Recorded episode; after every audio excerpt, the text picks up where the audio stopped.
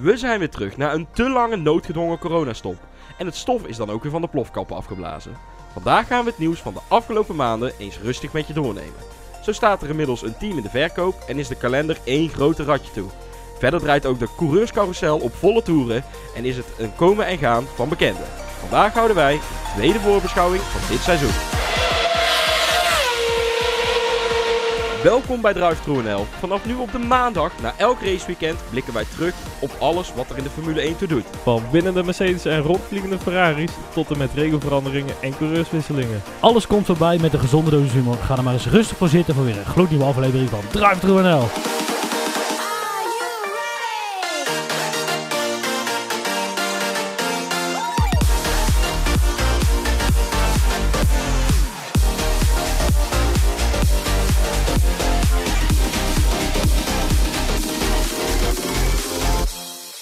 Mannen, we zijn er weer. Eh, Met z'n drietjes weer. De vorige keer waren jullie natuurlijk met z'n tweeën. Eh, Ja, ja, eigenlijk is het. Jij bent er weer. ik ben er weer. Het vertrouwde stemgeluid is weer terug.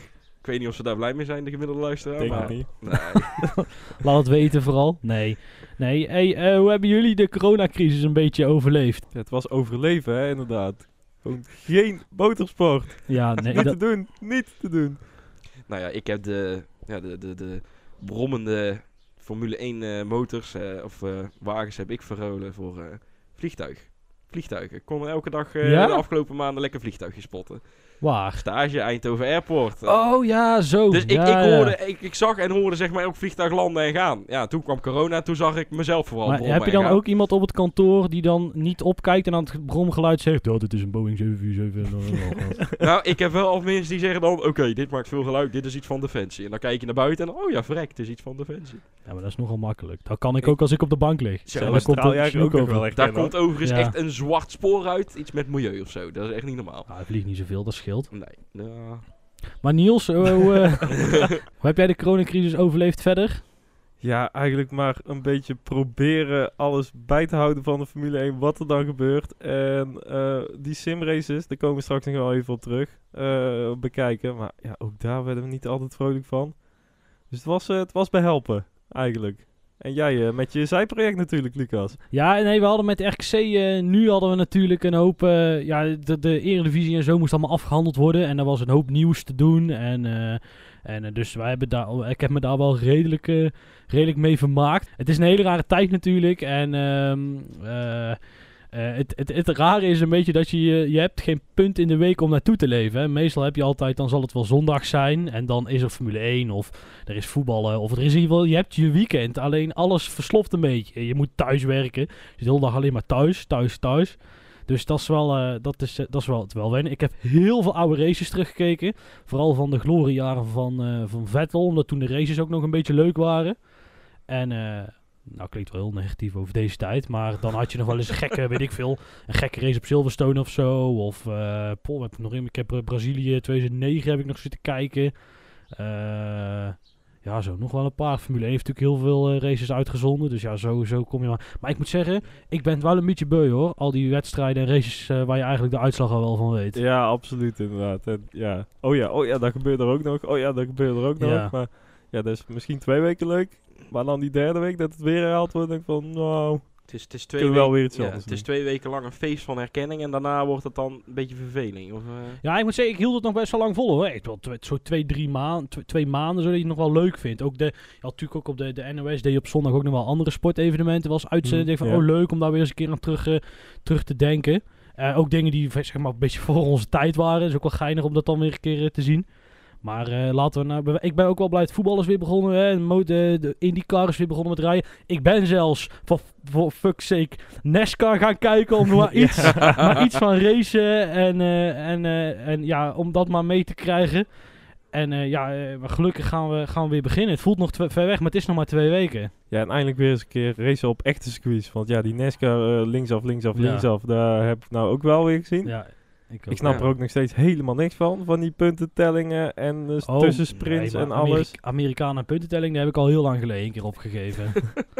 Ja, IndyCar was ook niet zo'n heel erg groot succes, vond ik. eigenlijk. Nee, fucking Rinus 4K. Wat Nou. een lul. Ik sta echt... Ik, heb, ik sta 's ochtends laat op. Ik ontbijt laat. Ik lunch laat. Ik snack laat. Ik avondeet laat. Want ik denk, ik moet zo... Hè, ik moet mijn ritme een beetje opschuiven. Ik zit half twee knikkenbollend voor de tv. Want ik toch echt wel heel graag naar bed wil. Maar goed, Rinus moet rijden. Ik denk de eerste keer, dat moeten we meemaken. Texas Motor Speedway. Dus net als wat Niels net zei. Linksaf, linksaf, linksaf, linksaf. En dan ben je wel bij de finish. En ja, dan duurt het denk ik een half uur of zo. En dan is die, eh, is, is die gecrashed. Hij was natuurlijk al in de training, maar was hij Eerst al de eh, training inderdaad. En toen eh, rondje, ja, wat was het? 70 of zo van de 300. Ja, zoiets.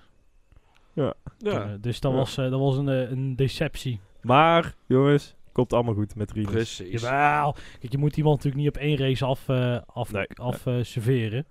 Nou, het is wel lastig, want het is wel echt een verschrikkelijk begin, want dit beeld raak je niet meer kwijt. Dit is ook, hè, dat is, werkt in Nederland werkt het ook wel redelijk goed. Hè, van, oh, we hebben weer een held. Oh, wacht, hij gaat op zijn bek. Dat vinden wij in Nederland vaak, vaak prettig.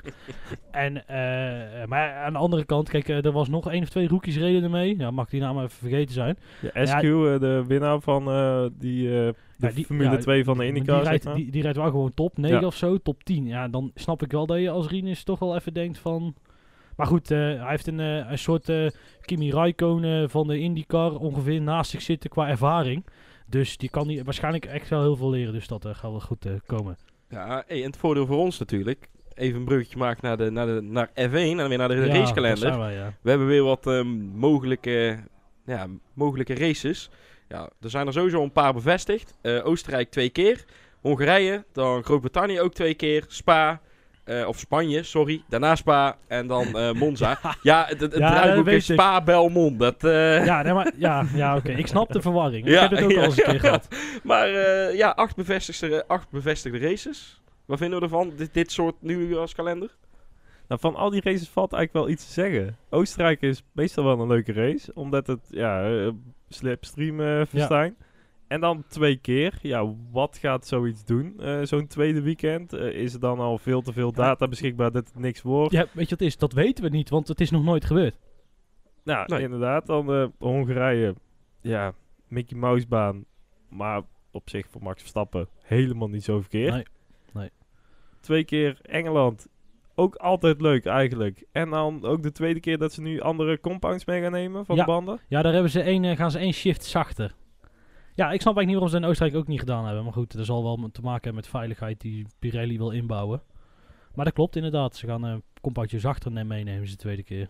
Ja, wat gaat dat ook weer doen? Eh, allemaal wel leuk. Nou, en, en, Spanje, midden in de zomer, fucking 30 graden, zon erop. Dan gaat, ze- het is sowieso al een... eh, nee, volgens mij laatste jaar wel een één stopper. Maar dat, de, de- het jaar dat Max win, won, maakte Max een twee stopper en de rest allemaal een drie stopper. Nou, ik denk dat we dat deze zomer weer gaan krijgen. Ja, Spa is altijd mooi. En ehm, ja, Monza, daar is vooralsnog publiek bij aanwezig.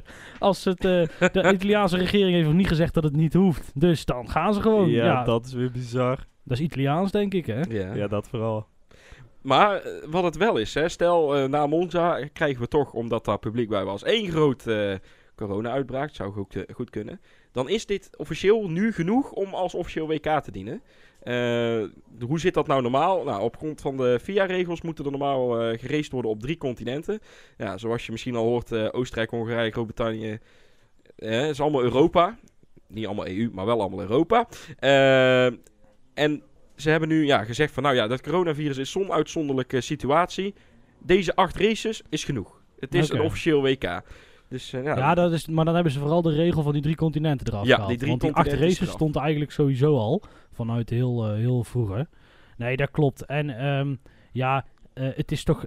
Ik, ik verwacht eigenlijk al dat we binnen twee weken, voordat we dus echt gaan racen, de hele kalender weten. Mhm. In ieder geval wat het idee is. Want het lijkt me vrij raar dat je aan een kampioenschap gaat beginnen waar je na drie weken er pas achter komt wat nou echt het kampioenschap gaat zijn. Dus ik ben wel benieuwd, eh, benieuwd eh, hoe ze die, eh, die vorm gaan geven.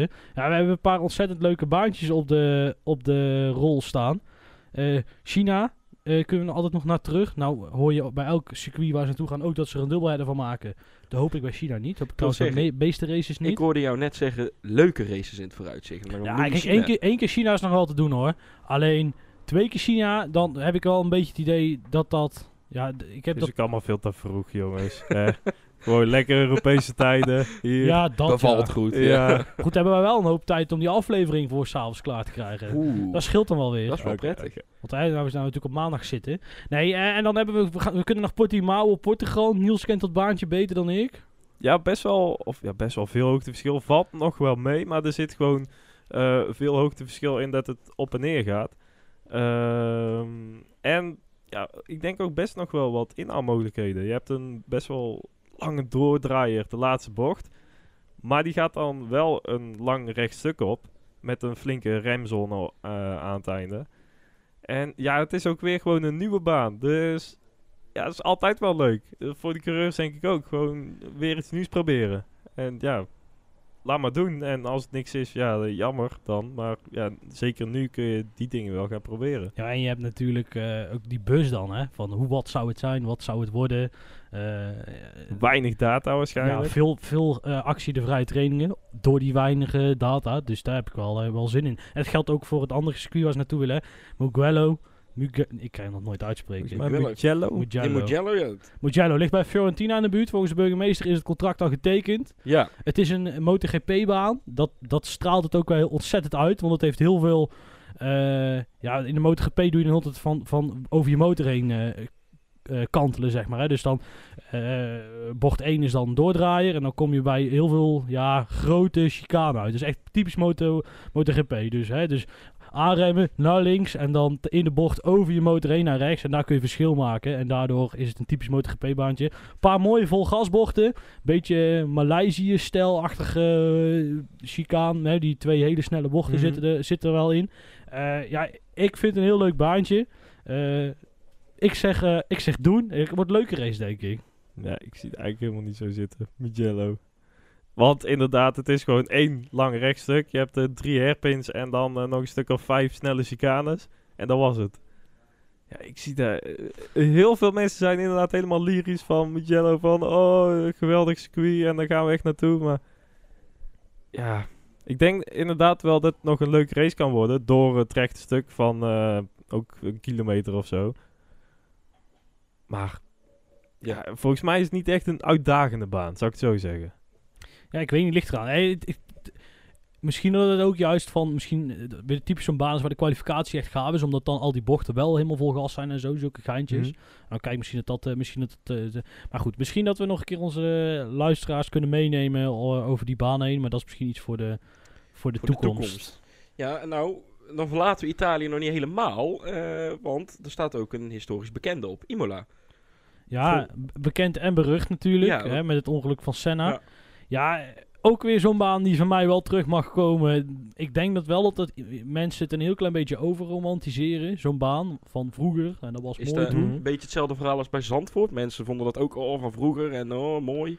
Nee, ja, hier kun je wel inhalen.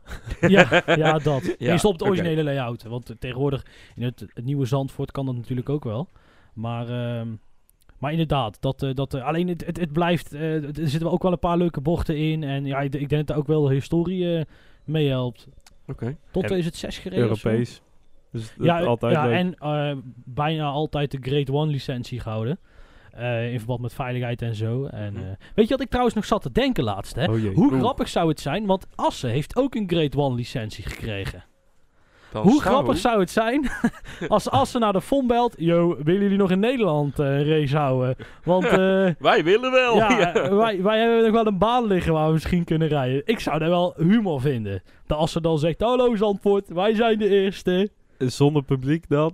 Ja, natuurlijk zonder Zandvoort, publiek. Ja, eh, wie weet hè, want ehm, het is nu zo dat... ehm, Tot en met eh, september, toch? Ja, tot met sept- sept- Ja, maar er zijn Of alweer september. plannen. Want eh, ik, zit, ik zit natuurlijk met het voetballen. Eh, met voetballen zijn er toch plannen om weer vanaf september de competitie te beginnen. Dat is dan voor ons niet zo interessant nu. Maar wel met gedeeltelijk publiek. En als je in een voetbalstadion tribunes kunt vullen, dan kun je dat ook langs een racebaan. Dat Ja. lijkt mij niet zo bijzonder moeilijk. Dus eh allicht, eh, kijk, in Zandvoort heeft gezegd, we gaan het niet doen. We gaan volgend jaar rijden, snap ik. Want dan heb je mooie volle tribunes. Hopelijk. Moeten we ook maar, eh, weten we natuurlijk niet. Maar daar hopen Ja, we dan ja. maar op. Ja. En, en eh, ja, ik, ik zou het wel humor vinden als dan Assen zegt van... Hallo, we gaan het toch doen. Ja, en, maar we hebben nog een Europese race. Ja, het is eigenlijk op China na zijn het alleen maar Europese races. Hockenheim. Het was van de kalender af, maar misschien toch weer terug. Ja, kom er maar Ja. wel lekker bij, jongens. Ja. Het liefst met een eh, mooie Ja. regenbui. Ja. ja, Ja, het is een beetje lastig, want wij weten echt niet hoe het eruit gaat zien. Eh, we Nee. horen geruchten wel wat er rond is. Maar wat we zeker weten is, de FOM gaat minimaal 15 tot 16 races proberen in te plannen. Oh, Ja. Sochi komt er waarschijnlijk ook nog bij, want er is niemand, dus dan valt er ook niemand te besmetten. En, ehm wat, kijk, ze willen 15, 16 races, want dat staat in tv-contracten. Met eh, Sky en met Ziggo. En de, als de Formule 1 die terug moet betalen, dan kunnen we stoppen. Wij ook, want dan is de hele boel failliet. Er gaat om zoveel geld, dat kunnen ze li- liquiditeit, li- liquiditeit technisch kunnen ze dat nooit, eh, Mhm. nooit opvangen.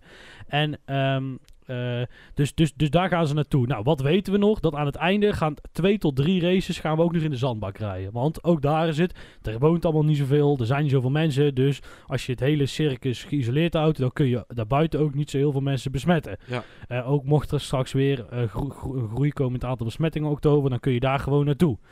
China, die we net aanhaalden, is de vraag: wat wil daar de overheid en hoe veilig vindt de FOM het? Eh, ik denk vooral als de overheid daar zegt: je kunt komen, dat de FOM het toch gaat doen. Eh, maar ja, goed, ook daar is het weer. Dat ligt ook weer in de middle of nowhere, redelijk. In ieder geval Mhm. al vroeger.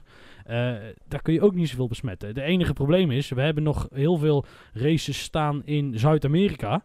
En daar is zeg maar nou nogal een hoop gaande. ja. En ik verwacht eigenlijk dat we, oh, zodra de kalender bekend wordt, gaan horen dat zowel aan, Mexico als Brazilië van de kalender afgaan. Ik denk, nou, ik denk zelfs die in Texas ook nog. Ja, ik, en Kota weet ik niet zo goed. Want ja, ik heb gisteren wanneer naar een, eh ja, heet zo'n politieke rally van eh, Trump zitten kijken. Waar wel gewoon, eh, wat was het, 10.000 man in een hal stonden Ja. of zo. Dus wat ze nou in Amerika precies vinden. Is en- wel een voordeel voor ons, hè. Dat wil wel zeggen dat al die late races zijn eh houdoe en tabé. Ja dat, ja, dat klopt. Ja, want Canada natuurlijk ook definitief. Ja. weg. Nee, dat klopt. Nee, maar ik, ik, ik- ben benieuwd. Ik weet niet zo. Kijk, Kota heeft het op zich wel nodig dat er geraced wordt. Maar ja, ook daar is het eh, weer hetzelfde verhaal. Eh, hoe ontwikkelt de pandemie zich? En, en ik denk dat de FOM voor veiligheid kiest en voor zoveel mogelijk in Europa probeert te, reizen, te rijden. Ja. En dan, dan zo min mogelijk naar... want Japan die gaat waarschijnlijk ook niet door. Want Is eh, de- definitief al. eh, al- Definitief Oh ja, dat is was, waar ook. Ja. Nou, Singapore die- en Baku Oh ja, ja, sorry. Ja, nou, dat al. Dus, eh, dus ja, dat, eh, dat, dat op de kalender. We hopen eigenlijk zo snel mogelijk eh, duidelijkheid te hebben van de. FOM. Ja, en eh, mocht daar overigens eh, iets van bekend worden, hou onze website in de gaten. Want eh, we houden onze kalender natuurlijk gewoon netjes bij. Daar kun je ook zien eh, hoe laat de race en hoe laat, eh, of wanneer onze afleveringen online Heb je komen. bijgewerkt, de kalender? Ja, ik heb hem bijgewerkt. Nee, al heel snel, al gelijk nadat... eh, oh, netjes, Dus netjes. daar staan nu eh, acht races in in ieder geval. Ja, eh, technisch reglement. Ehm, de 2021 regels die zijn uitgesteld. Hoe Ja. zit dat? Ja, je had je opgeschoven, want eh, de fabrieken zijn dicht, dus we kunnen ook niet ontwikkelen. Dat is een beetje het hele, het hele eieren eten. Dus eh 2020 auto wordt naar 2021 gebruikt. Er zijn alleen een paar haken en ogen aan, kwam de VIA achter. Want eh McLaren gaat van motor wisselen. Ja, dan moet je iets aan die auto aanpassen. Want de Mercedes motor heeft toch weer net een andere vorm dan de Renault motor. En zo zijn er nog wel een paar constructies links en rechts. Maar eh, om het eh, overzichtelijk te houden en te zorgen dat mensen niet te veel aanpassen, eh, zijn er wel, is er een tokensysteem in het leven gebracht. Ja, eigenlijk die tokens net zoals, net zoals we eerder hebben gezien bij de motorontwikkelingen. Dat je daar ook ja, kleine delen mocht gaan aanpassen aan de motor. En dat kostte dan zoveel tokens. Je had er zoveel in een jaar. Ja, ik vind het lastig om daar iets, iets over te zeggen. Ik weet niet zo goed hoe dat gaat uitpakken. Want je wil, zeker met die ontwikkeling, het speelveld dichter bij elkaar krijgen. En als je in deze vorm eh, de ontwikkeling gaat limiteren, dan denk ik niet dat het eh, dicht bij elkaar gaat komen.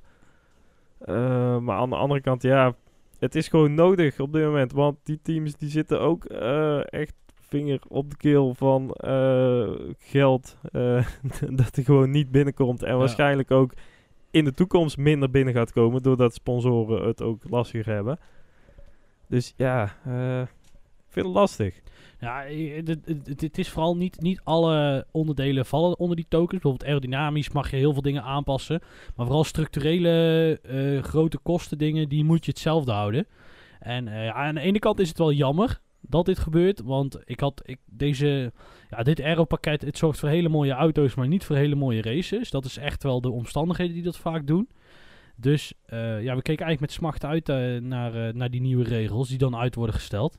Ehm, eh, Eh, ja, ook daar, dat blijft lastig, want financieel krijgen die teams dat... Ook dat, moet, daar moet in geïnvesteerd worden komend jaar. Maar daar komen we misschien, hè, we hebben zo de, de teampies gaan we nog bespreken. Maar ja, het, het, het, is, het is vrij lastig. Ik vind het aan de ene kant wel jammer. Aan de andere kant zie je dat de kalender zo door de war wordt gegooid. Eh, Vietnam niet door en al die andere races. Dat je toch ook wel weer een ander kampioenschap kan krijgen volgend jaar. Omdat er Mhm. heel veel banen toch weer anders gaan zijn. Ehm, ja, ik vind het heel lastig. Ik ben ook wel benieuwd hoe ze zoiets gaan checken. Maar alle teams waren al wel weer... eh, je moest ook nou alle aanpassingen die je doet... Die moet je dan weer op tijd aankondigen. Dan moet je ze ontwikkelen. En dan pas... eh, eh, maar dus je, je, vraagt hem aan. Dan wissel je Mhm. een token in. Dan moet je hem ontwikkelen. En dan weet je pas of het een succes is of niet. Ja. Ook, ook weer zo'n systeem. Maar ja, dat is ook weer om te voorkomen dat die teams ontzettend veel geld gaan uitgeven om te ontwikkelen. En dan zeggen, ja, dit werkt. Via, mogen wij het nou op onze auto zetten? Hier heb je een token. Dus ja, ook daar weer voor eh, hebben ze dat eh, om, om die kosten te drukken. Kijk, eh, dan ga je vooral, er zit inderdaad wat Mercedes of wat McLaren gaat doen, hè. Die motor die moet verbouwd worden. Nou, die specificaties van die motor, die zullen denk ik binnenkort wel naar Woking worden gestuurd. Nou, dan gaan ze die CAD-file van de auto erbij pakken. En dan gaan ze die motor inpassen. Nou, en dan weten ze straks in, in januari precies hoe die auto eruit moet zien. Eh, nieuwe tekening naar de FIA en inwisselen die token. Nou goed, en hoe dat precies zit met deadlines, daar zou ik je ook helemaal niet in verdiepen. is ook helemaal niet belangrijk. We moeten gewoon eh, gaan autorijden. Oké. Ja, en dat eh, ze wel voor 2021 kleine veranderingen aan de vloer eh, door willen gaan voeren. Ehm, om de downforce levels eh, een beetje gelijk te houden aan die van dit jaar. Want die doorontwikkeling zorgt altijd voor hogere downforce levels. Ehm, en daar dus ook Pirelli een beetje mee te ontlasten dat ze nog een keer dezelfde banden kunnen gaan gebruiken. Maar nu hoor je toch ook wel steeds meer geluiden van ja, eh, die hele kleine verandering aan de vloer, dat heeft misschien toch wel een iets te groot effect op eh, het hele aerodynamische pakket. En dat dat toch ook eh, best wel een kostenplaatje kan gaan worden. Dus ja, hoe ze dat nog gaan doorzetten, eh, of, ja, of dat überhaupt nog doorgaat, of, want er wordt nu zoveel nog veranderd tussentijds aan de reglementen dat bijna niet meer bij te houden is. Maar ja, ik ben benieuwd wat, wat dat ook gaat, eh, Nee, brengen. En wat Pirelli doet is ook wel... Kijk, eh, het, het, het vervelende is, we zitten met dit type banden... zitten we nou dus ook nog een jaar langer. Want als het goed is, moest ook vanaf 2022... Ik weet eigenlijk niet of zijn die regels ook... Nee, daar hebben we... Moet je nagaan, er is zoveel veranderd dat we dat niet eens doorhebben. Dat we die andere velgen gaan gebruiken. Is dat nou ook weer een jaar naar achter gepusht? Want, dan, weet je, want die banden die zouden meer... eh, zouden niet zo'n drop-off, hè? Want wat Pirelli nu doet is geforceerde twee stoppen. Nou, daar is iedereen het wel over eens. Dat werkt niet, want dan gaat iedereen gewoon zachter rijden. En dan hebben we alsnog een één stopper en minder races. Dus eh, dat, dat is niet gelukt. Eh, en die banden die zijn dan, die, die komen er dan ook weer Hm. hopelijk wel op dezelfde tijd aan. Maar goed, hè, ook in Pirelli is het zo, kun je die banden wel maken. Bij de, bij de IndyCar racen met testbanden en banden van vorig jaar. Ja, Weet je, dus, dus ook die fabrieken die hebben het moeilijk. Ja, en onderdeel van het technisch reglement, kind of, hè, dat is tegenwoordig, is de, ook het budget cap, wat er nou eindelijk kwam. Het zat al aan te komen voor ergens in de toekomst. Ehm, dat is, eh, in plaats van dat alle reglementen verschoven zijn, is het budget cap blijven staan, volgens mij. En ze hebben het budget cap echt flink verlaagd. Uh, voorheen Ja. stond het op 175 miljoen pond of dollar of euro. Die, dat is het nadeel van zo'n internationale sport. Dat loopt allemaal een beetje door elkaar heen. Maar volgens mij was het dollar. Pond. Nee, dollar. Dollar. Ja, nee, goed. In ieder geval, dat was... eh, hè, McLaren en Williams wilden dat naar 110 hebben of zo. En dat is uiteindelijk in het midden op 145 uitgekomen. En dat loopt de komende jaren af. Naar 133. Ja, en hij is steeds met stappen verlaagd inderdaad, om ook weer teams tegemoet te, of ja, tegemoet te Ja, komen. weet je, het is, je moet ook wel, hè? Want Ja. we hebben het hier voor ons neus, de, de teams die in zwaar weer zitten. Nou, Williams, dat mag toch wel eh, een duidelijk verhaal zijn. Daar komen alle regelveranderingen en financiële veranderingen eh, komen daar veel te laat voor. Nou, McLaren, die moeten, die hebben nou eenmaal ook een, het, het, het, al jaren lastig met de prestaties.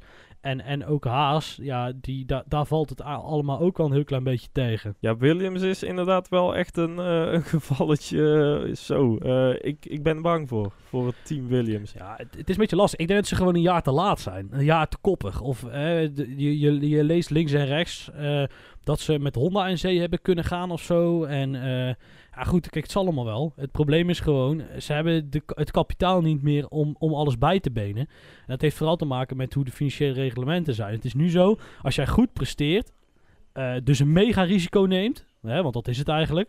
Eh, kijk, Williams heeft gewoon die backing niet om dat mega risico Hmm. te nemen. Kijk, Mercedes, daar staat Daimler achter, een miljardenbedrijf. Die kunnen die 200, 300 miljoen om, om die mo- motor te ontwikkelen, die kunnen zij gewoon makkelijk neerleggen. En dan eh, is het probleem dat als je dat dus doet, dan word je ook hoog beloond. En dat is op zich niet erg. En dat betekent wel dat als je het dus minder doet, zoals Williams, je minder beloond wordt. En dus nog moeilijker die stap naar voren kan maken. Alhoewel ik denk dat dit jaar ze er dichterbij zitten dan vorig jaar. Want er is wel echt een hoop gebeurd in een jaar tijd. Ja. Maar dan nog, eh, ja nou goed, eh, dan ben je boord van Williams. En dan zit er nog maar één ding op. Hoe kom ik aan kapitaal? Ja, en dan kun je twee dingen doen. Dat is of weer nog een lening afsluiten. Of zeggen, jongens, we kunnen het zelf niet meer opbrengen. We gaan aandelen verkopen. Ja, en dat ze nou op deze manier het onderpand van eigenlijk vrijwel alles wat Williams ooit heeft gehad. Ooit heeft gehad, dus ook qua eh, historische auto's en alles. Als onderpand heeft ge- gegeven aan eh, Papa Latifi. Ja. Ja, eventjes Ja. een over, overbruggingskapitaaltje van 50 miljoen. ja. En wat ook niet helpt, is als je hoofdsponsor er ook in één keer mee uitscheidt. Nee, maar kijk, dat is dan wel weer heel erg logisch. Omdat, stel jij wil Williams gaan verkopen. Ja. En dan zeg je, nou, ik heb hier een team. Je kunt alles doen wat je wilt. Maar je zit wel tot 2023 tot een titel, eh, vast aan een titelsponsor. Ja. Ja. van, weet ik veel, wegwerptelefoons of zo. Weet ik veel wat die gasten doen. Kijk, ja, het, het klinkt heel lullig natuurlijk. Maar als jij, eh, als, jij eh, als zakenman daarin wil stappen... dan wil je natuurlijk wel eerst kijken of je zelf een iets sexier merk kan aantrekken. Dan, kijk, Papa Stroll heeft uiteindelijk ook Aston Martin gekocht. Mhm. Niet misschien daarom, maar ook mede omdat hij dat nou op zijn team kan plakken. Ja. Dus, dus eh, dan, dat beperkt alleen maar in de verkoop. Ja, Dus- je hebt nu meer een, wit canvas waar je veel mee zou kunnen in ieder Ja. geval. Ja, ja, ja, ja. ja. Ja, ja, Wit canvas, ja. ja, hey, hey, Ja. hey. ja, wel benieuwd, hè, want nou krijgen we... Ik hoop dat die tandpasta livery niet doorgaat. En dat ze nou, eh, dat ze nou iets anders dan de, de- iets anders doen eh, met ik die... mag eh, het toch hopen dat ze een beetje tot één keer zijn gekomen. Ik ben bang van niet. Kost meer geld hè jongens, nieuw design. Nee, maar dat gaan ze doen, want anders staat rookhitter. Ah, dat ja. zou een beetje raar zijn om die rookkleuren wel te gebruiken, maar niet... eh, de- Niet, niet, eh, ja. Nee, dat deed je Haas Ja. vorig jaar met, weer- met, met, Met- eh, Rich Energy. Schrijf dan maar een leuk eh, social media wedstrijdje uit of zo. Van eh, maak onze Zou livery. dat, zou dat niet zijn? DTNL podcast op die zijkant van die auto. Klinkt wel heel goed. Heeft iemand eerst nog 10 miljoen liggen? Dan moet je even bellen. Dan, Dan je kunnen wij even de auto. Ja, maar ook een bruggetje naar McLaren. Van Williams weten we eigenlijk heel weinig wat ze van plan zijn. Het staat in de verkoop, but that's it.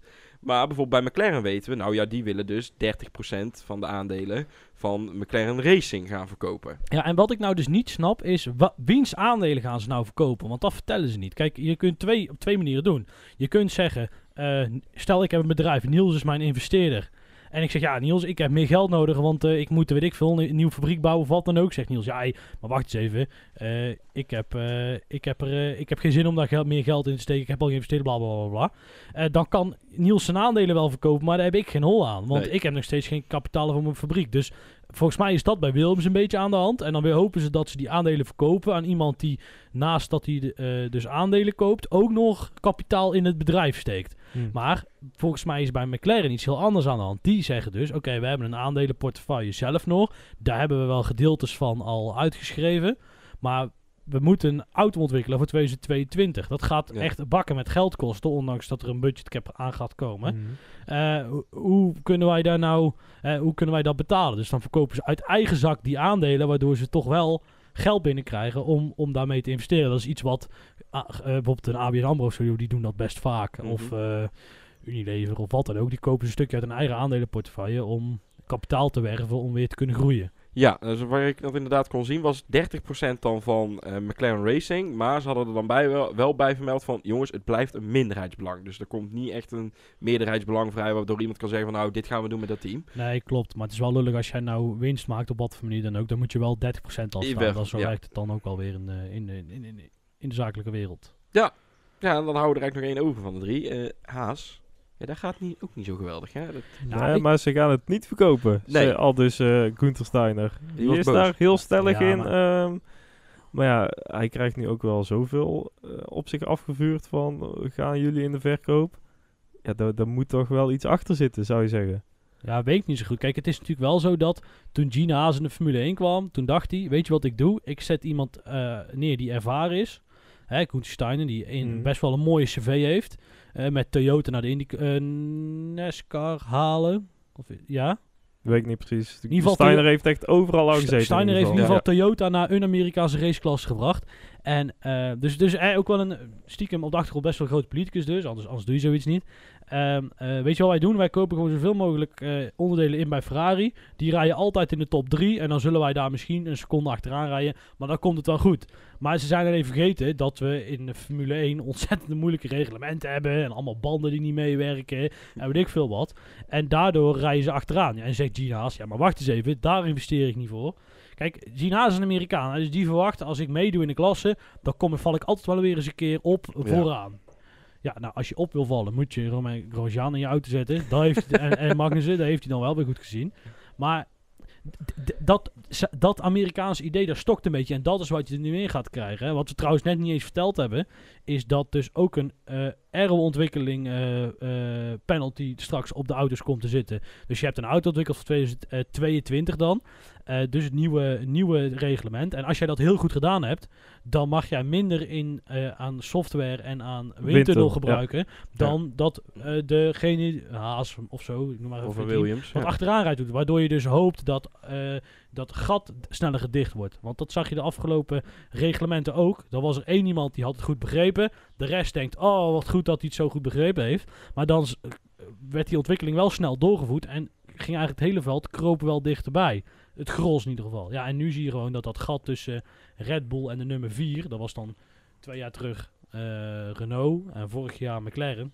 Ja. Dat is net zo groot gebleven, misschien nog wel groter geworden. Dus ja, da- da- da- da- daar is natuurlijk wel iets mis. En dat strookt met dat beeld van wat eh Gina Ja. Haas natuurlijk heeft. Ja, ja, het laatste gerucht zou dan in ieder geval zijn waar Steiner op gereageerd had dat het, eh, het team vorig jaar verkocht zou zijn aan Saoedi-Arabië. Maar die deal die zou er helemaal niet, eh, niet zijn. Er is nooit gesproken met Saoedi-Arabië, al dus eh, Steiner. Ik weet niet. Ja, maar, Ja, dus Het zou kunnen, want Saudi-Arabië is wel steeds meer. eh, die willen ook eigenlijk een race gaan organiseren in 2023. Die willen wel echt invloed gaan uitoefenen. Ja, ze gaan sowieso in alle sporten. Ja, eh, voetbal zijn ze natuurlijk ook met de club bezig. inderdaad. Ja. eh, maar in de Formule 1 ook wel, ja. Het is een stukje, stukje landmarketing. Hè. We mogen niet, eh, vooral niet weten dat ze daar homo's martelen. En, eh, en, eh, Dat er af en toe wel eens een ambassadeur hebben, ergens onthoofd wordt. Ja, daarom. Ja, goed, aan de andere kant, dat is natuurlijk al de Formule 1, hè. Ja. Oogkleppen op en dat race rijden en dan zijn we weer weg. Eh, dat is natuurlijk wel weer het, de vervelende kant. Ja, maar wat, nou, wat weten we dan in ieder geval wel van die financiële eh romslomp bij Haas?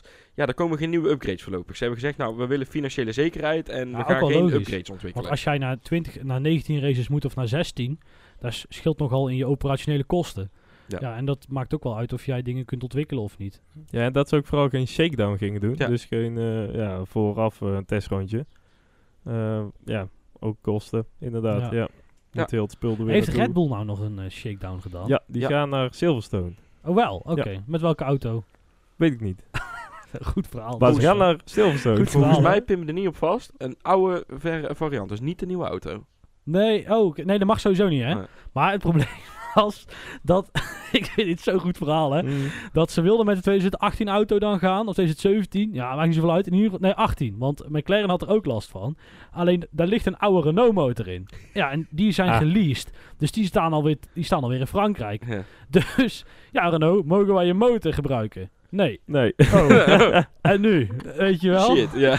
Want ze mogen deze auto, mogen, je mag maar 100 kilometer testen hè, op Ja. een jaar. Oh ja, en niet eens testen, dat noemen ze al filmdays. Mm. En ja, dat kan nou dus niet. Dus, en McLaren had hetzelfde probleem. Ja, maar Renault, eh, we gaan wel weg bij jullie, want we vinden jullie motor niet goed genoeg. Maar mogen we die van twee jaar terug nog een keer gebruiken? Non. no, no, no, no. maar ik zag dat McLaren had dan met een of andere Formule 3 auto geoefend of zo. Ik had in ieder geval zien, die waren wel ergens gaan rijden met een raceauto om die protocollen maar te kunnen oefenen. Eh, ja, Red Bull gaat echt met de RB16 eh naar Echt? Silverstone. Ze hebben een motor kunnen fixen bij dus het is eh Of het is gewoon trouwwagen Red geworden. Bull, dus Honda. Hè? Ze, hoe- ze hebben er helemaal geen dagen meer over. 16 is nu. Een ja, filmdag. Oké, 100 kilometer, dus ja, inderdaad. Ja, oké, oké. Nee, ik dacht, eh, ja, ik, ik ja je kunt ik net, ook net zoals eh, Ferrari eh, over de openbare weg gaan rijden. Maar dan lijkt Ja. me dit toch net iets... ja, dat vind iets ik ook. nuttiger. Ik dacht eigenlijk dat ze daar een oude auto voor hadden gepakt. dat was helemaal niet. Nee, dat vind ik nee. toch wel durf. Nee, en anders hebben we nog wel een strand aan de Noordzee waar ze overheen kunnen raken. Oeh, dat ligt gevoelig. Ja. Maar, ehm, ja. Goed. Ik zei het in het begin al, eh, in de intro. Een soort coureurscarousel. Hè? Ehm, Ja, hij kwam nou wel... Dat, dat is in ieder geval iets wat ons door de, door de, door de stilte heen heeft geholpen. ja, ja Eh, want hè, er was, eh, het carousel draait door. precies. eh, maar even te beginnen bij Mercedes. Daar ligt nog niet, ja, nog niet echt iemand vast. Eh, ja, want om dan gelijk maar die bom te droppen. Vettel vertrekt bij Ferrari. Dat is toch wel... Ja, daardoor zijn alle ogen ineens op Ja. Mercedes gaan, gegaan. Want Verstappen ligt al vast. Eh, eh, Ferrari heeft iedereen al vast liggen met eh Sainz en met Leclerc. En dan is ineens Mercedes nog over. En ik denk dat ze daar bij Mercedes stiekem ook al een heel klein beetje van geschrokken zijn. Maar de vraag is natuurlijk, wat de fuck gaat Mercedes doen? Want, want ze, ze hebben niemand. George Russell lijkt toch wel iedereen het over eens te zijn dat hij nog één jaartje moet doorbijten in die Williams. En dat hij dan wel doorgezet gaat worden. Denk ik ook wel, ja. Dus dan is het exit Bottas? Vraagteken. Want wat gaat Hamilton doen? Ja, dat is een goede vraag. Nou, toch over Bottas hebben. Ja, Bottas heeft, eh, heeft tegen Sky Sports F1 heeft hij gezegd... Nou ja, ik maak me geen zorgen. eh, want Mercedes heeft hem verzekerd dat Vettel geen optie is. Hij zou het namelijk, eh, heeft gezegd... Wij zijn altijd eerlijk tegenover elkaar geweest... over hoe de situaties met het team... en wat er qua contracten staat te gebeuren. Ik heb concreet te horen gekregen van Mercedes... dat ze niet nadenken over Seb. Dus ik hoef mij daar geen zorgen over te maken. Nee, maar er zijn zeg maar nog vier andere coureurs die in diezelfde pool zitten. Nee, kijk, Ja. dat is natuurlijk de vraag. Hè? Wat, wat, wat, wat gaan ze op die plek doen? Kijk, dan, dan zou ik nog... Waarom zou je tegen Bottas vertellen dat je met Vettel bezig bent? Dat slaat nergens op. Maar ik heb een theorie. Oh en dit zal wel weer luchtfietsen zijn. Dat is meestal als je een theo- theorie hebt. Toto Wolff Mhm. is een beetje de... da- dat is waar Lewis Hamilton naar kijkt. Hè? Want Ja. Lewis Hamilton gaat niet tekenen voordat hij weet dat Toto Wolff blijft. Want Schumacher heeft het vroeger bewezen. Zet de juiste mensen aan de top. Trek, je, trek ze toe. En dan dat team komt vanzelf naar je toe. Nou, is Mercedes ook gebeurd. We sneller dan gedacht, maar goed. Ehm, eh, wat gaat Toto Wolff doen? Toto Wolff is vriendjes een beetje met papa Stroll. Ja. Ja. Het ligt nog niet vast bij Mercedes. In ieder geval de geruchten gaan dat hij... De, de, ook bij Mercedes gaat het over de, de motorman gaat ook weg. Ja, dus, dus ze zijn er allemaal wel een beetje dat het project wel op zijn einde loopt. Ehm, waarom gaat Toto Wolff niet naar Aston Martin. Aston straks. Martin dus straks, Racing Point, om daar weer een nieuw avontuur aan te gaan of daar aan de boord te zitten of wat dan ook. En waarom zou dan niet Hamilton eh, meegaan. Hamilton meegaan?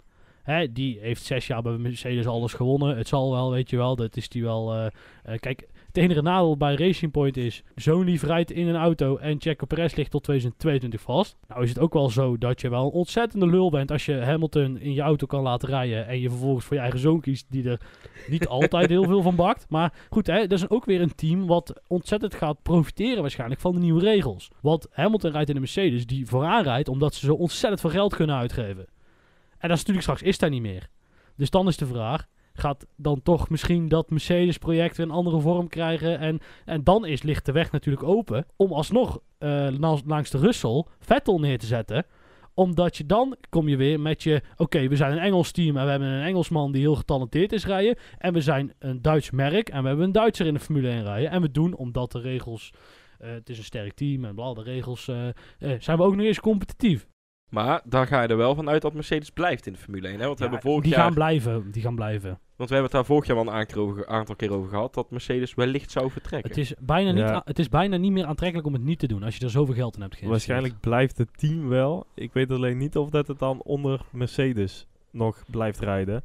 Maar om heel het team eh, op te doeken, nee, daar is inderdaad veel te veel in, eh, in geïnvesteerd. Oké.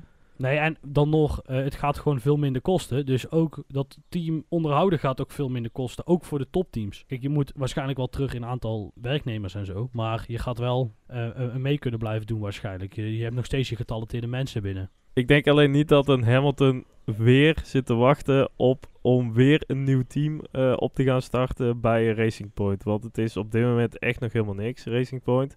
Ja, ze kunnen nu heel goed kopiëren plakken bij Mercedes. En dan gaan we dit seizoen zien hoe dat het zich uit gaat Ja, pakken. stel, kan hè, best wel leuk worden inderdaad, maar dan moeten ze nog steeds wel daarna een nieuwe auto gaan ontwikkelen. Die mensen die zijn er nu nog niet. Dat kan dus echt nog wel een aantal jaar duren voordat het allemaal op zijn plek staat daar. En ja, heeft Hamilton daar zin in om daarop te gaan wachten om vier jaar lang net niet op een podium te rijden? Om dan misschien nog een keertje, als het meezit, wereldkampioen te kunnen worden. Ik denk dat je wel relatief negatief bent over de kansen hoe snel zo'n team naar de top kan met nieuwe regels. Want het is wel echt een heel nieuw pakket. Alles staat vrij redelijk vast. Race Point heeft in het verleden bewezen, eh, onder de naam Force India, best wel mee te kunnen doen zonder heel veel geld te investeren. Alleen de Mhm. ronde naar deze reglementen ging iets minder. Ja, kijk, het lijkt mij een mogelijkheid. Kijk, voor hetzelfde geld, hè. Rijden we, want we rijden op een paar best leuke baantjes waar gekke dingen kunnen gebeuren. Voor hetzelfde geld rijdt Racing Point gewoon heel strak achter de nummer 3 aan. Met de gekopieerde Mercedes. Want het is wel heel verdacht, zeg maar. Dus, dus eh, eh, stel je met Hamilton, je hebt niet getekend, je weet dat Toto Wolff er naartoe gaat. Kijk, ik weet niet wat hij wil, zeg maar. Hij is nogal eh, activistisch bezig nou. Dus voor hetzelfde geld zegt hij, joh, ik ben wel een beetje klaar. Ik ben zeven keer wereldkampioen geworden Ja, straks. en al op leeftijd, toch? Die begint toch ook Nou. al richting de 40 te lopen? Nee joh, die is, die is Nee? drie, drie, 33 of zo. Niels gaat nou even googlen. Ik ga gewoon even googlen. Nee, maar Vettel is... eh, ze, v- volgens mij zijn, zijn zij 34 en 33. Lewis en Vettel. Ja, dan ben je in de Formule 1 tegenwoordig echt een oude lul. Met al die gasten van 223. Hij is 35. Nou, 35 dan. Oké. Nou, Kimi Räikkönen is al 40, toch? Ja, maar... Nou, ja, Schu- nou, ja. Schumi, Schumi kwam ook nog terug op zijn 40ste. Hey, maar goed, Vettel weg. Eh, dat wil zeggen, plekje vrij. Nou was het plekje best snel ingevuld.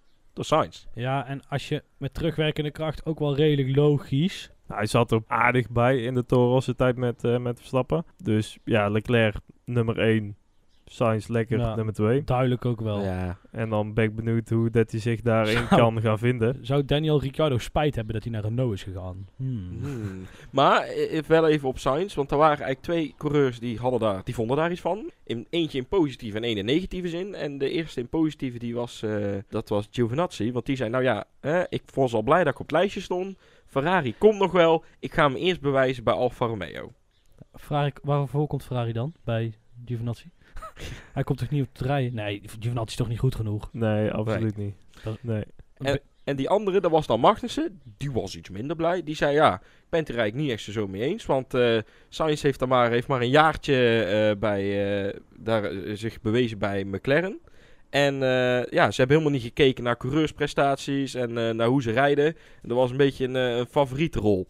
Ja, maar wie dan Ja, bij Ferrari? Want echt heel veel grote namen rijden er ook niet meer rond. Die nog niet ergens anders vast liggen of die... eh, Nou, ik ken wel een Engelsman bij Mercedes die nog niet getekend heeft. De Finn bij Mercedes die nog niet getekend ja, heeft. maar je, gaat, je gaat Raikkonen nooit meer terughalen. Nee, Dat, eh, dat gaan ze gewoon niet meer doen.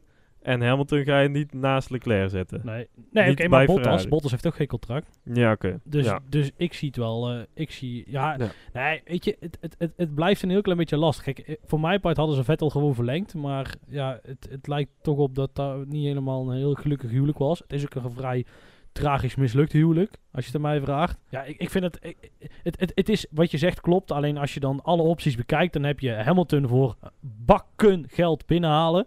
Bakken, wat die eigenlijk waarschijnlijk niet eens waard is. Want ik net zo ook in de Formule 1 wel achterkomen dat uiteindelijk een, een, een coureur ook maar een gedeelte is van die hele ketting, zeg maar. Dus dan kun je ontzettend veel geld, eh, eh, voor ontzettend veel geld problemen met Hamilton binnenhalen. Nou wil ik niet zeggen dat Hamilton probleem, maar goed, als je Mhm. Leclerc hebt en Hamilton, twee haantjes, hè, dat, dat, nou goed, en dat, dat kun je ook voor heel veel, want, want ik denk dat Ricciardo ook gewo- gewoon wel even netjes duurder is dan dat Sainz zou zijn.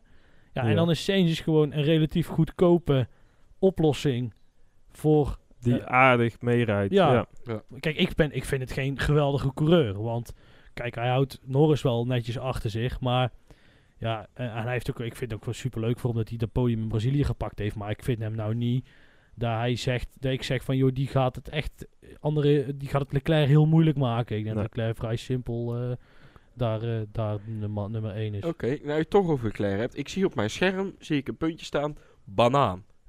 Formule 1 coureurs, hè, die, zijn, eh, die zijn natuurlijk niet alleen maar coureurs meer. Dat is Nee. in alle sporten zo. Hè.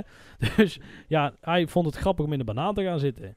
Ik weet niet eens wat de aanleiding daartoe was of zo. nee, volgens maar- mij waren ze ja. Fortnite aan het spelen en iemand had zo'n skin aan of zo van een banaan. En toen zegt hij, oh dat vind ik grappig, doe ik in het echt ook. En toen heeft hij in het echt ook die banaan aangetrokken. Ah, Oké. Genieten. Ja, Ja. maar ze waren veel aan het, sim, veel, veel aan simracen. Nog heel even gauw terugkomend, want ik wil Christian Horner nog een gratis tip van mij geven. Maar die gaat er niet over. Maar Oeh. ik heb het idee dat Helmoet Marco niet echt meer naar mij wil luisteren. Na al die, eh, na het vorige seizoen. Was wat nepnieuws Dus- trouwens ook over, hè? Over nou je het over Marco hebt. Ja, ik, laten we daar heel snel overheen gaan, joh. Nepnieuws, daar horen we zoveel. Nee, ik zou Bottas binnenhalen. Oeh. Want die rijdt al sinds 2011, 2012 of zo Formule 1. Eh, heeft bewezen, races als hij er is, te kunnen winnen. Als hij in de positie komt, om, dan, dan, dan wint hij ze. Wel achter eh, de eerste man vaak. En eh, ja, heeft een bak Formule 1 ervaring onder zijn reet. Daar word je bang van natuurlijk. En als je dan kijkt wat je nou hebt zitten. Je wil een serieus team zijn. Je hebt Verstappen. Nou, een, een, een ontzettend grote talent. Die ook inmiddels wel een grote meneer geworden is. Ja. Mhm. Maar daarna heb je toch Albon zitten. Die pas één jaar Formule 1 heeft gereden. Als we onze oranje bril afzitten. Niet bijzonder goed. Eh, ook niet slecht hoor. Maar Mhm. ook wel vaak schade gereden in de trainingen en zo. En weer eraf geschoten. Of allemaal. En dus dat, uit, dat Ja. kost ook geld, tijd verliezen. Dan zou ik zeggen, joh, ik heb Verstappen tot 2023 vast liggen. Eh, ik zet daar lekker die saaie Fin langs. En dan eh, gaan we daarmee eh, knallen. Op het moment dat Verstappen uitvalt. Of eh, door motorpenalties achteraan staat of zo. Heb je Ja. alsnog een ijzer in het vuur. Wat in ieder geval gegarandeerd punt is. Maar Ja. is Bottas zoveel beter dan een Albon dan? Nee, nee, ik- dat weet ik niet. Ik denk dat dat ongeveer om het even is. Ik denk dat hij wel beter is dan Albon, maar misschien niet heel veel. Maar hij heeft wel acht jaar meer ervaring onder zijn kont. Maar ik, ik snap Lucas wel, want in principe haal je dan iemand binnen die heeft bewezen, nou hij rijdt er al langs, hij heeft inderdaad ervaring. Hij is gewend om als tweede man eventueel rond te rijden, maar hij rijdt in principe ook stabiel genoeg dat hij niet ergens onderaan af en toe echt heel ver onderaan eindigt. Dat hij, als inderdaad zoals Lucas zegt, als Verstappen het even af laat weten, of inderdaad door eh, Ja, of- penalties, ja. dat hij dan toch nog wel aardig in de bovenste regionen zou kunnen rijden. Ja, oké. Ja, ik denk vooral dat bij Albon nog best wel wat rek in, eh, in, in die jongen zit. Dat er nog Ja, best wel wat uit te halen valt. Eh, dat hij natuurlijk nooit op een topniveau eh zal gaan rijden. Maar dat hij wel lekker mee kan hobbelen achter, eh, achter Verstappen aan. En ja, moet je dan daarvoor Bottas weer gaan halen om een Bottas die ook eigenlijk helemaal niet bij het merk Red Bull past. Om ook wel weer die marketing erbij te pakken. Ja, moet je daarvoor iemand daar weg gaan Nou, halen. nou, ik vind dat je dan moet zeggen, joh Pierre, het wordt hem niet in de Formule 1. Of eh, Daniel, Daniel, daar moet je gewoon eerlijk tegen zijn. En dan laat Albon daar eens vier jaar rijden. Of drie jaar. En daar is rijpen. Weet je wel, want dat is natuurlijk het nadeel van Red Bull. Die zijn zo arrogant in hun eh, opleidingsprogramma. eh, waar eigenlijk maar één goede rijder uit is gekomen. En die rijdt inmiddels voor Ferrari. Dat, want Verstappen is ook gewoon extern maar, maar aangekocht. Net, net op tijd. Dus ja, daardoor rijden daar al die jonkies. Maar het heeft ze vorig jaar miljoenen gekost om Pierre Gasly in die auto te zetten. Iemand die eh, het bij Toro Rosso een heel klein beetje goed deed, weet je wel. Dus eh, als je gewoon zegt van nou, ik run een race team en ik wil vooraan meerijden.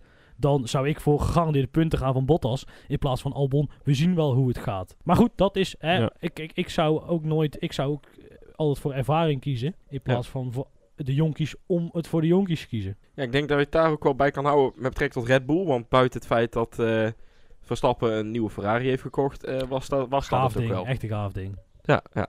Hey, dan bij Renault, daar gaat wel weer iemand weg. Eh Ricciardo, dat was al niet zo'n goed huwelijk, dat was bekend. Ja, dat vind ik eigenlijk misschien nog wel de beste move van allemaal. Voor Ja? Ricciardo, eh, dat hij naar McLaren kan. Want ja, bij Renault daar wil je echt niet doodgevonden worden.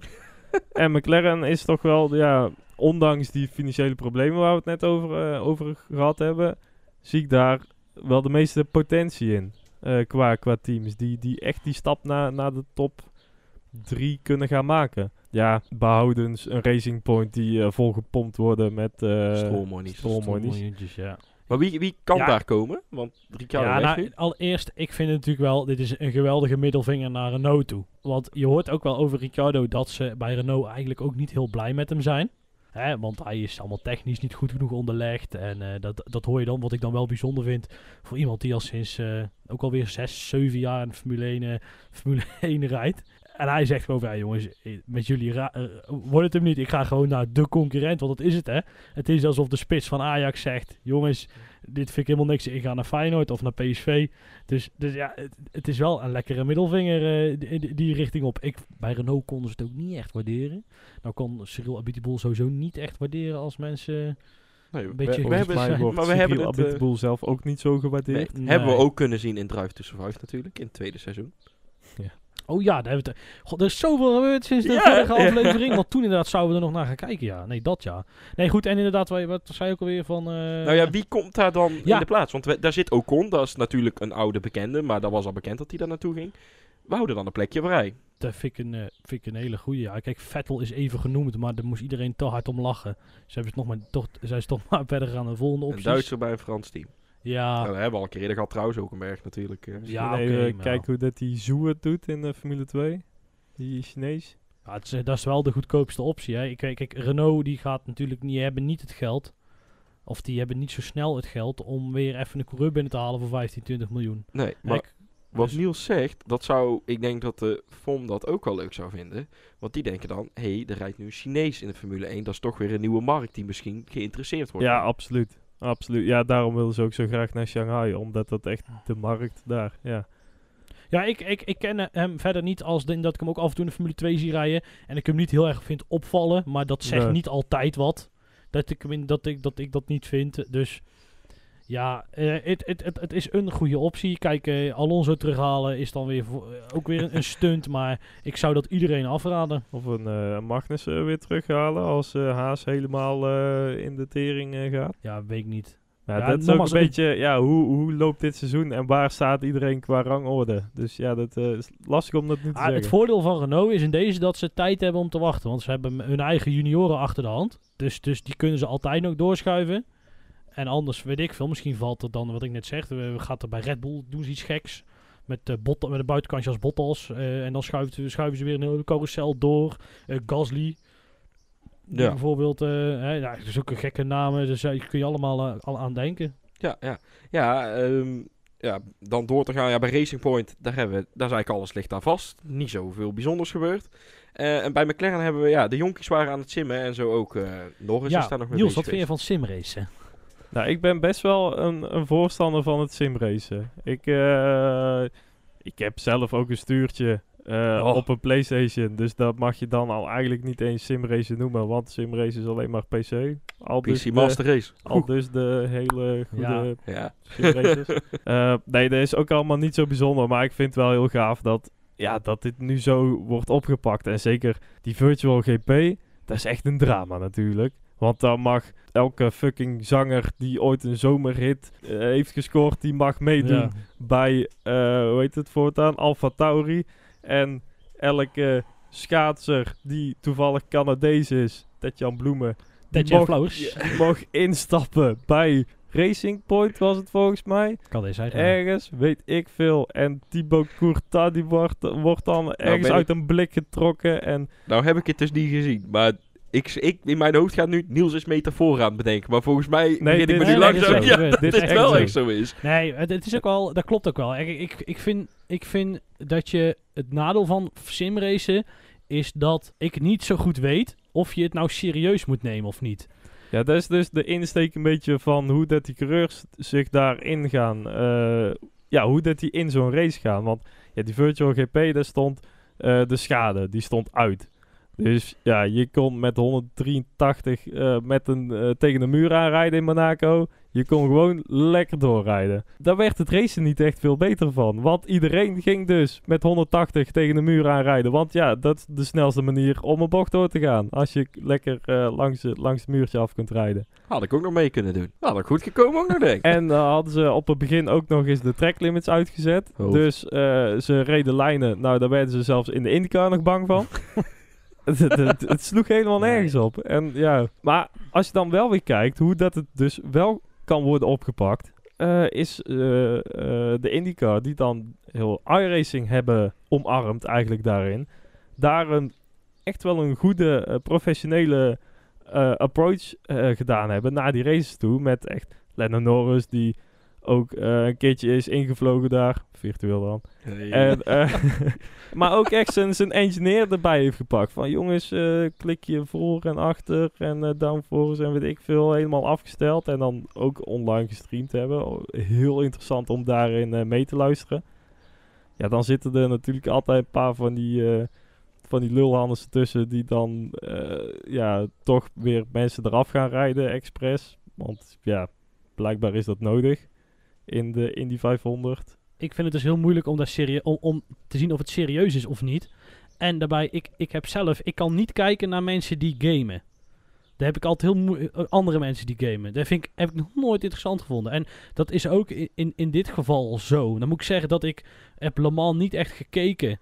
Ja, Maar dat was echt de was- beste, ja. de beste simrace die er ooit is georganiseerd. Je hebt er heel veel. En elk medium of media die een beetje sociaal eh, actief is, die moet in één keer zijn eigen simrace eh, organiseren. Met wat voor reden dan ook. Maar die Le Mans-series, dat was echt heel goed. Het eh, studio erbij en goed aangepakt, professioneel op R-Factor. Dus ook een platform dat de Formule 1-teams voor de simulatoren heel erg in het begin gebruiken. Dat hebben ze in de Formule 1 natuurlijk gigantisch doorontwikkeld. Dat het Ja. nergens meer eh, op elkaar kan lijken. Maar ja, ook gewoon de hele regelgeving eromheen. Er zat een echte wedstrijdleiding die alle beelden in elkaar eh, of eh, in de gaten hield. Ja, montage zag er goed uit. Was echt tv-uitzending waardig. En ja, Ja, dat hebben ze heel goed gedaan. Dan vind ik het wel weer lullig dat onderdeel van het risico van het spel is dus dat je server uit kan vallen. Of dat je verbinding weg kan vallen. Ja. Ja, en dat, daar ja. heb ik dan wel een heel klein beetje moeite mee. Want dat vind ik dan niet... Ik vind, kijk, dat er een band klapt of dat er iemand over debris heen rijdt of dat je tegen elkaar aanbot, dat is onderdeel van, van het spel. Maar dat je server eruit kan knallen, vind ik wel een gigantisch lullige manier om, weet je, dan... Ja, maar aan de andere kant, als er iemand heel hard tegen een vangrail aanklapt en je moet die gaan repareren, dan gaat er ook drie uur overheen. En nu heb je inderdaad twee keer serverproblemen gehad, dat ze eventjes allemaal eh, ja, weer in, in volgorde vanaf start, ja, daar eventjes eh, stil moesten gaan staan om alles te resetten, weet ik veel. Maar ja, andere dingen in het, in het echte leven kunnen ook gebeuren, waardoor teams benadeeld worden, waardoor je eventjes eh, geen actie op de baan hebt. Voor mijn gevoel hoort daar er toch meer bij. Dat, dat, dat lijkt mij, eh, dat, dat voelt natuurlijker dan, dan dat er een server uitvalt. Maar misschien is dat een beetje mijn conservatief-achtige hou- hou- houding hierin. Dat zou kunnen. Ja. Maar ja, kijk, het, vooropgesteld, het is leuk dat er in ieder geval iets is. Eh, ik heb zelf niet zoveel met coureurs die dat dan heel scheidlollig aanpakken. En vooral een soort meme-account willen zijn. Ja. Moeten ze weten, kijk, Ja. Nor Norris is er zo een. Ik vind een leuke coureur verder. Maar ik heb niet zo heel veel met dat, kijk, mij grappig zijn. Is niet erg, want eh, heel veel mensen vinden dat wel leuk. En dan moet Ja. je het vooral doen. En dat straalt een beetje door in dat, dat virtual, eh, vi- virtual racen. En ja, dat, dan, daarom heb ik, ik ben gewoon ontzettend blij dat we weer voor het echt gaan beginnen. Want dat is ook, daar zit ook een stuk avontuur in, hè, in de Formule 1. Het feit dat je met 300 km per uur echt door een bocht gaat, is natuurlijk ja, bizar en gaaf. Maar eh, er is wel een voordeel aan virtueel racen. Er is wat te winnen bij Williams een keer, want Russell Ja. is virtueel kampioen geworden. Ja, en dan vinden Ja. wij het allemaal eh, het volgende talent, omdat hij een computerspelletje heel goed kan. Ja, en ook de Formule 1 game. Ja. Ik bedoel, Ja. dit, dit is echt is hartstikke leuk. Het gaat ook best wel serieus aan toe. Totdat ze eh, damage uit gaan zetten. En dat ze de track limits een beetje half-half gaan respecteren. En ja, het is het allemaal net niet bij, bij die eh, ja, game is het echt. Ja. Terwijl, Ja, het is natuurlijk ook wel lullig, want Formule 1 kan niet zeggen, we gaan met Air Factor in zee.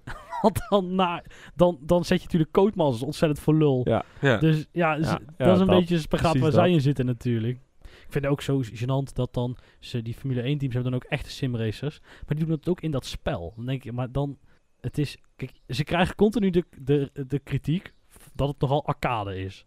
Ja. Mhm. Ik moet zeggen dat ik daar zelf niet altijd eh, goed gevonden krijg of zo. ja, dat is wel echt. Ja. Maar kijk, ik, ik doe dan zelf, doe ik, ik speel het game ook op zich best wel vaak hoor. De officiële Formule 1 game. Laatste tijd ben ik wat meer met Assetto Corsa bezig. Ja, die stap daar al naartoe, dat merk je al gelijk. En dan nog die stap weer hoger boven Assetto Corsa. Dat, eh, dat is dus de R-Factor, de, Ja. de iRacing. eh, ja. Maar goed, het, ja, goed nee, dat is een hele podcast op zich. Maar eh, het, het is en blijft maar een spelletje. En inderdaad geen simulator. Dat scheelt denk ik wel een heel hoop. En ik denk dat, dat het wel een beetje lastig maakt. Om, voor mij om het echt heel, heel leuk te vinden in ieder geval. En we zijn inmiddels alweer bijna aan het einde van de aflevering natuurlijk. En eh, o- och, wat ging het snel. Ik zie Niels al balen. Nee, ehm, eh, ik wil het nog wel even hebben over de Fantasy League. We gaan dit jaar de Fantasy League eh, weer doen.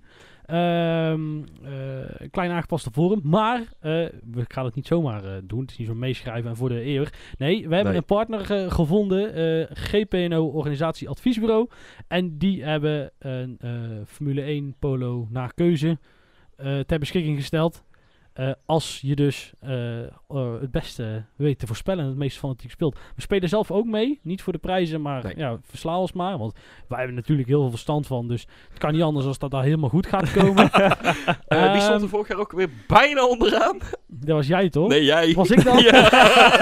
ik dacht dat ik nog een ik slag heb had heel, gemaakt ik heb heel lang jaar. bovenaan gestaan en toen kwam Niels en toen ging ik langzaamaan naar beneden. Nou, dit gaan we dit jaar dus helemaal anders doen. Ja, als wij winnen, dan drinken we die blikjes Rich Energy eh, op die we nog over hebben. Oh ja, die moeten we nog verdelen. Ja, Ja, maakt niet uit. Nee, het is wel een collectors item. Ja, maar goed, in ieder geval, eh, dus dat. Eh, wij gaan de komende week ergens de social media campagne, Ja. oftewel die post eh, online gooien. Maar je kunt nu al even naar onze site dtnlpodcast.nl. Dan eh, kun je op de blog even kijken, daar staat het berichtje. En dan eh, hoe, hoe en wat je, je mee kunt eh, doen. En dan ook wel inschrijven te krijgen. En dan eh, deel het vooral met iedereen. Eh, ja, WhatsApp groepen, Facebook post delen. doe alles. Want des te meer mensen luisteren, des te gezelliger het wordt op het wereldwijde web. De column kan natuurlijk Nee, niet ontbreken. niet zo- compleet zonder dat ik mijn mening mag vertellen. Nee, eh, dat klopt, eh, klopt, klopt als een bus. Eh, normaal houd ik het in deze rubriek bij de Formule 1. eh, maar in deze tijd is alles anders. Dus vandaag in, bij deze ook een beetje. Ehm, de wereld is in de ban van twee grote items. Aan de ene kant heb je natuurlijk de coronacrisis. Maar nu dat een beetje begint te wennen, kwam een paar weken geleden de Black Lives Matter beweging nog harder op. De dood van George Floyd was, het was de spreekwoordelijke druppel die de emmer deed overlopen. En nu zijn wij eh, hier niet om het racismeprobleem op te lossen. Dan kunnen wij nog wel drie podcast afleveringen vullen zonder zekerheid van succes. Maar toch. Eh, Lewis kiest de laatste jaren steeds vaker de activistische kant, wat af en toe nog wel eens wil schuren. Bijvoorbeeld over klimaatverandering. En nu ben ik niet van de groep die graag roept: jij rijdt in de vervuilende Formule 1, dus jij hebt geen recht van spreken. Maar ik zie er wel de humor voor in dat Lewis Hamilton tot twee jaar terug de enige hippie was in de wereld met een privévliegtuig. Op zijn Instagram-pagina en dan vooral in zijn story spreekt Lewis vaak z- zijn support uit voor de Black Lives Matter-beweging. Eh, nu moet ik wel eerlijk zeggen dat de filmpjes en de statements die hij deelt af en toe een heel hoog, eh, heb ik op Facebook gezien, gehalte hebben. Maar hij strijdt voor de goede zaak. Eh, nu zijn er een hoop mensen die heel fanatiek vinden dat Lewis maar zijn mond moet houden, want maar coureur. Nu heb ik het gevoel dat vooral gezegd wordt als mensen niet voor jouw kerk preken. Oh, en kom niet aan met Lewis zijn jeugdzonde. Iedereen groeit op, maakt fouten en geeft, het geeft eigenlijk aan dat je de discussie redelijk aan het verliezen bent.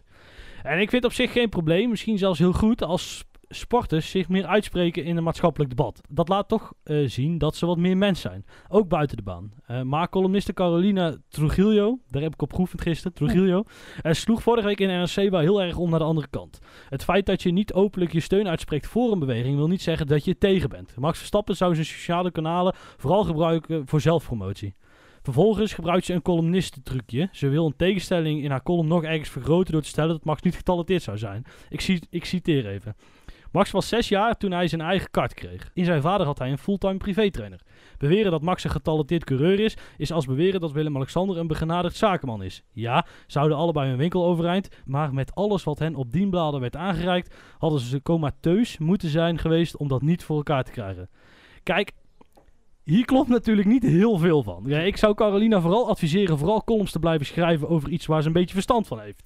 Kijk, ik ga deze column ook niet vertellen dat Robin Haas een hele matige tennisser is. Aan de ene kant omdat ik geen verstand van tennissen heb.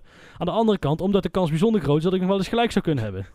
Laten we dan in deze tijd vooral kijken naar wat ons verbindt. Op links en op rechts wordt er al genoeg gepolariseerd. We gaan over twee weken weer racen. Dan gaan we oranje, geel, wit, zwart, weet ik veel, ons allemaal weer op kunnen winden over het spektakel wat de Red Bull Ring ons gaat brengen. Geniet, drink met mate op anderhalve meter en tot dan. Dankjewel. Ehm Niels, de socials, want daar gaan we natuurlijk een hele Oh, campagne beginnen. Heb ik lang niet Ja, zeggen. weer! Ja, volg ons op Facebook, Twitter en Instagram, @drive.nl. Eh ook onze site, dtnlpodcast.nl. Kijk ook vooral nog even naar die blogpost inderdaad over de Fantasy League. En dan, eh, Ja, horen wij, eh, ja, hoor je ons in ieder geval weer over twee weken na de eerste GP van Oostenrijk. 6 juli. zit in.